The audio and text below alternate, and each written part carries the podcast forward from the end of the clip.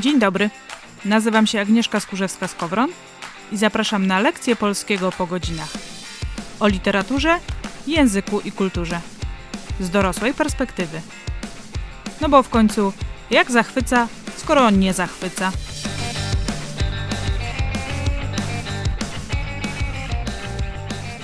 Dzień dobry.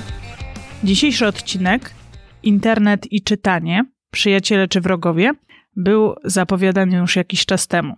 No i w końcu przyszła pora, żeby się nim z Wami podzielić. Ponad 30 lat temu rozpoczęła się w Polsce era internetu. 17 sierpnia 1991 roku Rafał Pietrak, pracownik Wydziału Fizyki Uniwersytetu Warszawskiego, wysłał pierwszą internetową wiadomość. O historii internetu w Polsce ciekawie napisał Michał Radomir Wiśniewski w książce Wszyscy jesteśmy cyborgami, jak internet zmienił Polskę. Ja natomiast chciałam wspomnieć o tym, czy, a jeśli tak, to jak, internet zmienił nasze czytanie.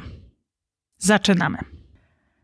Kilka lat temu ukazała się pewna popularna w tym temacie książka autorstwa Nicolasa Kara Płytkie myślenie, jak internet wpływa na nasz mózg, która, mm, jak to określił Wiśniewski, została memowo sprowadzona do konkluzji nowe media ogłupiają.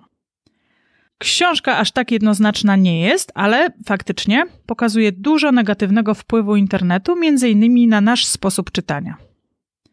Mało kto podważa stwierdzenie, że nie umiemy już czytać długich tekstów, że skanujemy, że nie potrafimy się skupić na słowie pisanym. A to wszystko ma być y, oczywiście winą właśnie internetowego czytania. Sięgnęłam do dwóch tekstów, angielskiego z The Guardian i polskiego z Akademii NASK, które znalazłam po wpisaniu w wyszukiwarkę frazy czy internet zmienił czytanie albo internet change our reading. Jak zwykle okazało się, że no, nie ma aż tak jednoznacznych odpowiedzi na to pytanie. Jest wiele zależy, kilka plusów i minusów. Co ciekawe, w Guardianie przytoczono wypowiedzi różnych specjalistów i o ile pisarze zwracają uwagę na owo negatywne oddziaływanie internetu na czytanie, o tyle już neurobiolodzy czy psychiatrzy siedzący w temacie już nie są tak sceptyczni, a przede wszystkim nie wieszczą upadku ludzkiego mózgu. Jakie są negatywy i pozytywy czytania w internecie? Badacze zwracają uwagę na to, że samo pisanie jako takie i czynność czytania są czymś nowym ewolucyjnie dla naszego mózgu. Każda zaś duża zmiana w naszym opisywaniu rzeczywistości wiązała się dla wielu z obawami o przyszłość człowieka. Platon wieszczył upadek ludzkiego rozumu z powodu upowszechniania się pisma i odchodzenia od oralności, czyli kultury mówionej. Potem odsądzano od czci i wiary książki, druk, gazety, radio, kino, telewizję, no a teraz internet i ogólnie nowe technologie. I o ile faktycznie wszystkie te media jakoś wpływają na przetwarzanie informacji przez człowieka, to prostego przełożenia na to, że to zmienia nasz mózg, już o dziwo nie ma. Dlaczego? Głównie z tego powodu, że nasz mózg w ogóle ciągle się zmienia, a właściwie uaktywnia różne swoje obszary w zależności od bodźców, które do niego dochodzą. Inne obszary są aktywne u ludzi niepiśmiennych i piśmiennych. Ale, uwaga, spotykamy się z podobną konkluzją w przypadku badań nad aktywnością mózgu u osób czytających po angielsku i po chińsku. U nich też mózg działa inaczej podczas czytania. Te nowe sposoby zbierania informacji sprawiają, że nasz mózg właśnie działa inaczej, ale nie jest to równoznaczne z tym, że zmienia swoją budowę, o czym czasami też możemy w różnych miejscach przeczytać.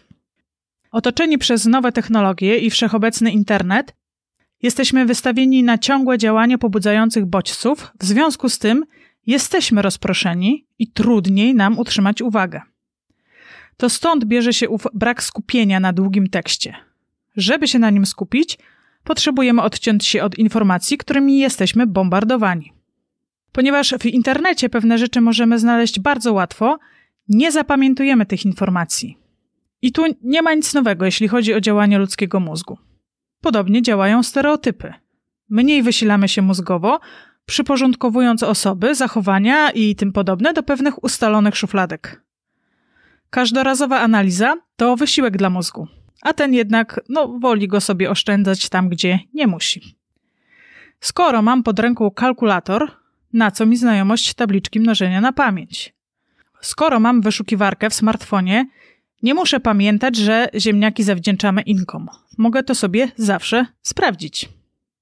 Owszem, w przypadku braku dostępu do sieci owa wiedza, aczkolwiek niekoniecznie na temat pochodzenia ziemniaka, ale już o pierwszej pomocy tak, może nam pomóc przeżyć, no ale takie sytuacje nie zdarzają się często.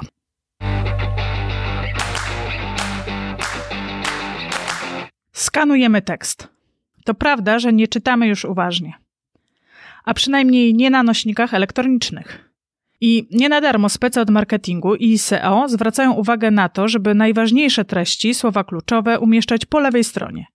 Żeby boldować, czyli pogrubiać ważniejsze fragmenty, dawać ramki itd. Tak treści cyfrowe czytamy bowiem inaczej niż treści drukowane. Zazwyczaj od góry do dołu, ślizgając się bardziej po lewej stronie kolumny, skanując, czyli wyłapując fragmenty. W dodatku w przypadku książki czy gazety widzimy i czujemy, ile przeczytaliśmy, ile miejsca zajmuje tekst, ile nam jeszcze zostało.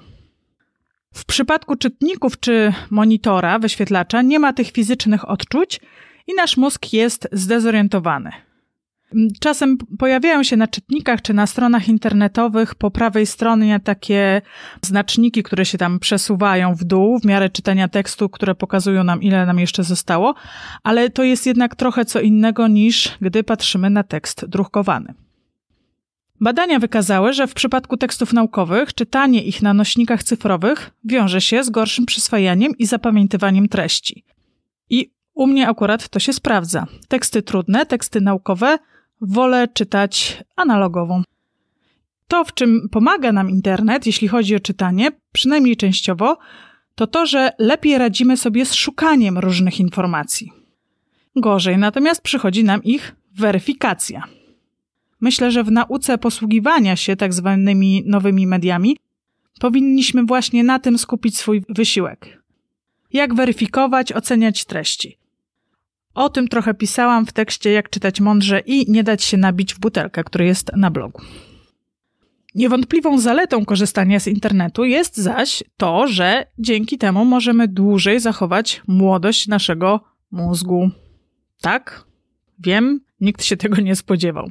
Badacze udowodnili za pomocą funkcjonalnego rezonansu magnetycznego, że samo czytanie na ekranie oraz korzystanie z wyszukiwarki uaktywnia mózg. Rezonans magnetyczny rejestruje zmiany w czynnościach komórek nerwowych, pozwalając na obrazowanie aktywności mózgu. Najmniejszą jednostką, dzięki której można zaobserwować aktywność mózgu, jest voxel.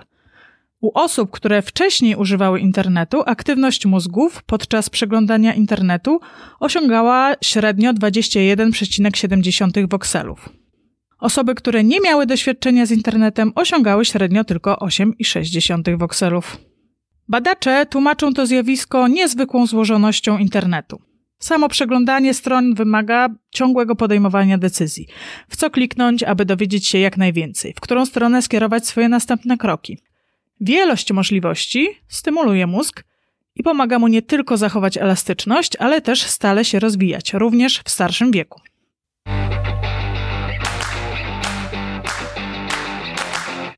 Tym, co faktycznie może sprawiać trudność, jest przeskakiwanie z tekstu cyfrowego na drukowany, gdzie sposób czytania jest różny. Trochę jak z używaniem innych języków, skakanie między jednym a drugim prowadzi niekiedy do pomyłek. I wracając z internetowego świata do druku, musimy się przestawić w sposobie przetwarzania treści, a to chwilę trwa. I pewnie od tego, jak długo czy głęboko siedzimy w tym pierwszym, zależy to, jak szybko jesteśmy w stanie wrócić do czytania od lewej do prawej, liniowego, ogarniania całości tekstu, zatrzymywania się na nim i tak dalej, czyli czytania druku. Jeden z psychiatrów zwrócił też uwagę na to, że korzystanie z internetu wpływa nie tyle na nasz mózg, ile na to, jak o nim myślimy. A wręcz czasami możemy mówić o pewnych analogiach między tym, jak działa sieć i tym, jak przetwarza informacje ludzki mózg. I to też jest ciekawy trop. Z kolei neurobiolog Colin Blakemore zauważył, że zazwyczaj na internet narzekają ci, którzy najbardziej korzystają z jego istnienia. naukowcy, nauczyciele, akademicy, pisarze. Ich praca dzięki temu narzędziu dociera do o wiele większej grupy niż mogliby sobie wymarzyć przed erą internetu. Badacz zwracał też uwagę na to, że to, że inaczej myślimy czy czytamy pod wpływem cyfrowych treści, świadczy nie tyle o zmianach w mózgu, ile o tym, że ludzki mózg jest bardzo plastyczny i potrafi dostosować się do tego, co oferuje mu rzeczywistość. Inna badaczka, Marianne Wolf, podkreśla, że wpływ internetu na ludzki mózg będzie można ocenić dopiero, gdy kompleksowemu, wieloletniemu badaniu zostanie poddane to pokolenie, które wychowało się na internecie. No, a potem należałoby porównać je z wcześniejszym pokoleniem. Więc na jakiekolwiek jednoznacznie wnioski jest zatem jeszcze za wcześnie, choć niewątpliwie wiemy o tym, że czytanie w internecie zmienia nasze spojrzenie na czytanie tekstu drukowanego i hmm, coś pewnie jest na rzeczy. I to już wszystko dzisiaj. Ten odcinek był dość krótki, ale mam nadzieję, że był pełen ciekawych dla Ciebie informacji. Zachęcam Cię do czytania nie tylko cyfrowego, do nie tylko słuchania, ale również czytania w druku. To też pobudza nasz mózg i sprawia, że inne jego części pracują. A jeżeli chodzi o takie cyfrowe czytanie, to zachęcam do zaglądania na blog Wianki Słów i na moje media społecznościowe. Oraz oczywiście zapraszam do wysłuchania następnego odcinka, w którym opowiem o liście lektur. Do usłyszenia!